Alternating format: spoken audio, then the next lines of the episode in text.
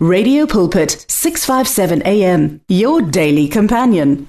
Kulohlelo lapho sithi khona mphatlalatsane ngelithathe leli thuba ekuseni kongolosihlanu ngikubingelele mlaleli egameni elihle igama lenkosi uJesu Kristu waseNazaretha ngiphinde ke ngithi ukubonga nakubahle nhlapho ukusiboleka leli thuba bahle uNkulunkulu akubusise. Siyaqhubeka ke mlaleli. Sisaphethe iphiwo zikamoya ezahlukahlukeneyo nokuphathwa kwazo. Mlaleli akumelanga sibe careless ngokuphatha iphiwo zikaNkulunkulu zomusa. Akumelanga mlaleli ngokuba sizovuna lokho esikutshalile. Siyaqhubeka ke mlaleli.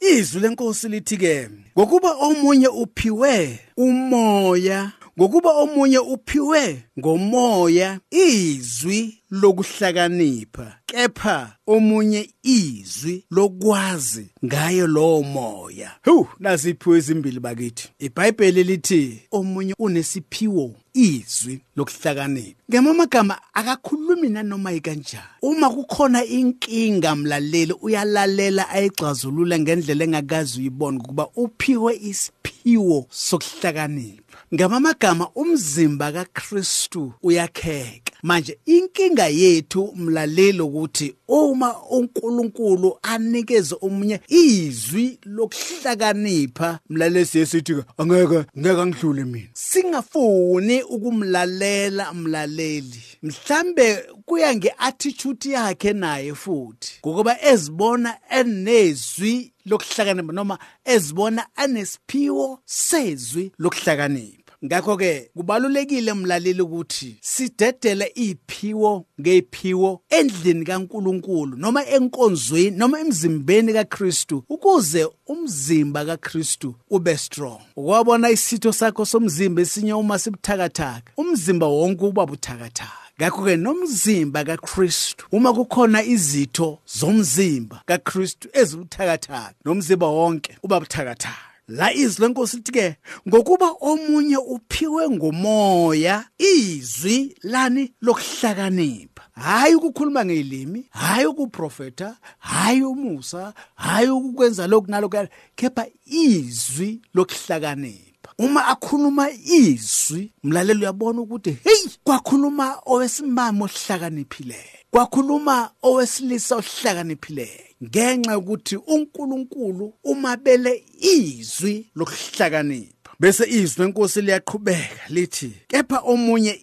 izwi lokwazi mlaleli. Lephiwe ezimbili lezi? Cishe ziyasebenzisana. Izwi lokuhlakanipha nezwi lokwazi. Just picture ibandla mlaleli elisebenzisa isiphiwo somusa. Ibandla. Elinesiphiwo samandla. Ibandla. Elinesiphiwo sezwi lokuhlakanipha. Ibandla. Elinesiphiwo izwi lokwazi. Uh ngoba izwi lenkosi lithi ke ngaye lo moya. Bese izwi lenkosi lithi ke omunye futhi ukukholwa kuye lo moya umunye iziphiwo zokuphulukisa kuye lo moya. Siphiwo zokukholwa. Akholwe umuntu akholwe mlaleli ngendlela engakazi ibona alikholwe izwi likaNkuluNkulu bese livela. Kungaka uJesu athi ke uma ninokukholwa okufana nale master seed ningathi kulentaba kudluka uwelele. Kuyakuba njalo. Kwala noma usubhekene nenkinga ezingakanani uma unalesiphiwo sokukholwa sigudluza inkinga mlaleli uyandlula. Kungaka uDavide athi noma ngihamba esigodini sethunzi lokufa angiyokwasaba lutho ngokuba wena Jehova unami. Tsi kuma lapho nanoma kwenzakalani angiyokwasaba lutho kokuba uJehova unami. Bese iBhayibheli liyachubeka lithi ke abanye ke mlaleli baneziphiwo zokuphulukisa. Uma kubeka nje isandla uyaphila. Kungakhathalekile ukuthi sifo esinjani uyaphila. Bese kuba khona ukuphikisana ya nami nami yakwazi ukubeka umuntu izandla bese yaphila ya angangidlula umkethe ayisebenzi kanjalo mlaleli emzimbeni kaKristu. iBhayibheli lithi ke sabelwe iphiwo ngokwahlukahlukana kwazo. Sebenzisa leso siphiwo owabele sona mlaleli. Ungahambi kuhlukumeza abanye abantu. Yazi usenza ngcono usenza ngcono kwesikhathi even nentshumayelo bese ziyashintsha kwesinye isikhathi. Umuntu avele emelapha epulpit ubona ukuthi eh eh eh.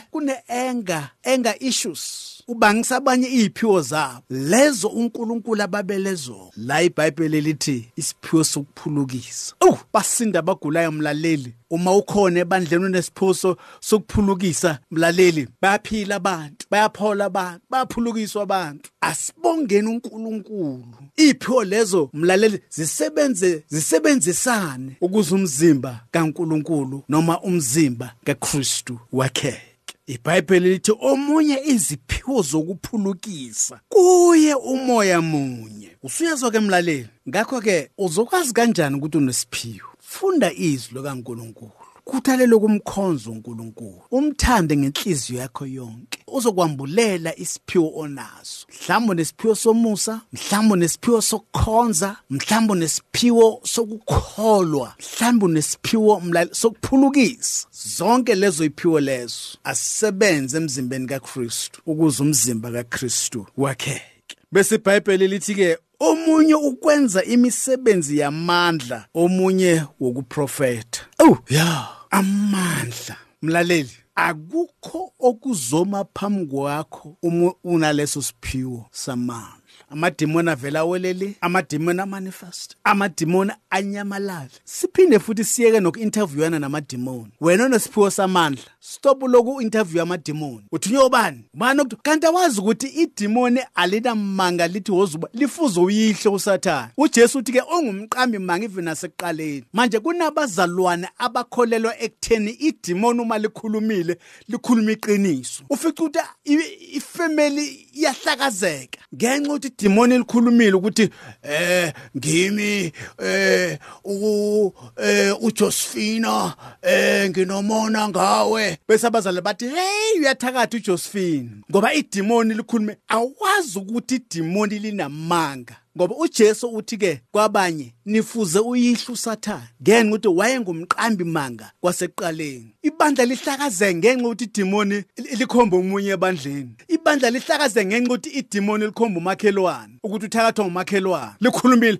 Sengiyahamba sengiyahamba ngiye kumakhelwane. Ye madoda bakholwa abazalwane bancincize cincincincincincincinci idimoni likhulumile balikholwe. Hlakazeke imshado hlakazeke imndeni hlakazeke umakhelwane abantu bangasazwani ngenxa ukuthi sizwile idimoni likhulumile and uyezwa nawe idimoni likhulumile. Uthatha yini edimonini? Wembakithi okwasho umuntu umhlolo kaJames lo. Ninake ninamandla enesiphiwo samandla. Idimoni elingemi kini. Akukho la uJesu aka interview khona idimoni. Akukho la even no Paul no John nobani bake ba-interview khona idemoni nibuyaphi? Nibuyaphi? Nithiwe ubani? Ukuthi nizokwenzani? Madoda sesiphume ekhelekeqe ezulu ake sibheke laba abanalezo iphiwo lezo. Sifunde kubo ukuthi babeyisebenzisa kanjani bebaziphatha kanjani lezo iphiwo lezo. Kungena ama-divorce kukhulekela umama ya ngimi umyeni wakwakho. Ya. Bathi hey hey hey hey hey hey umyeni wakwakho uya omthakathayo bakholela edimonini we ngithi kuyamlalela ake sibuyele ezwini likaNkuluNkulu. Senza ukuya ngezwi likaNkuluNkulu. uNkulunkulu. Ake ngiphinde. Nina eneziphiwo zamandla. Ni stop uku-interview namademoni cast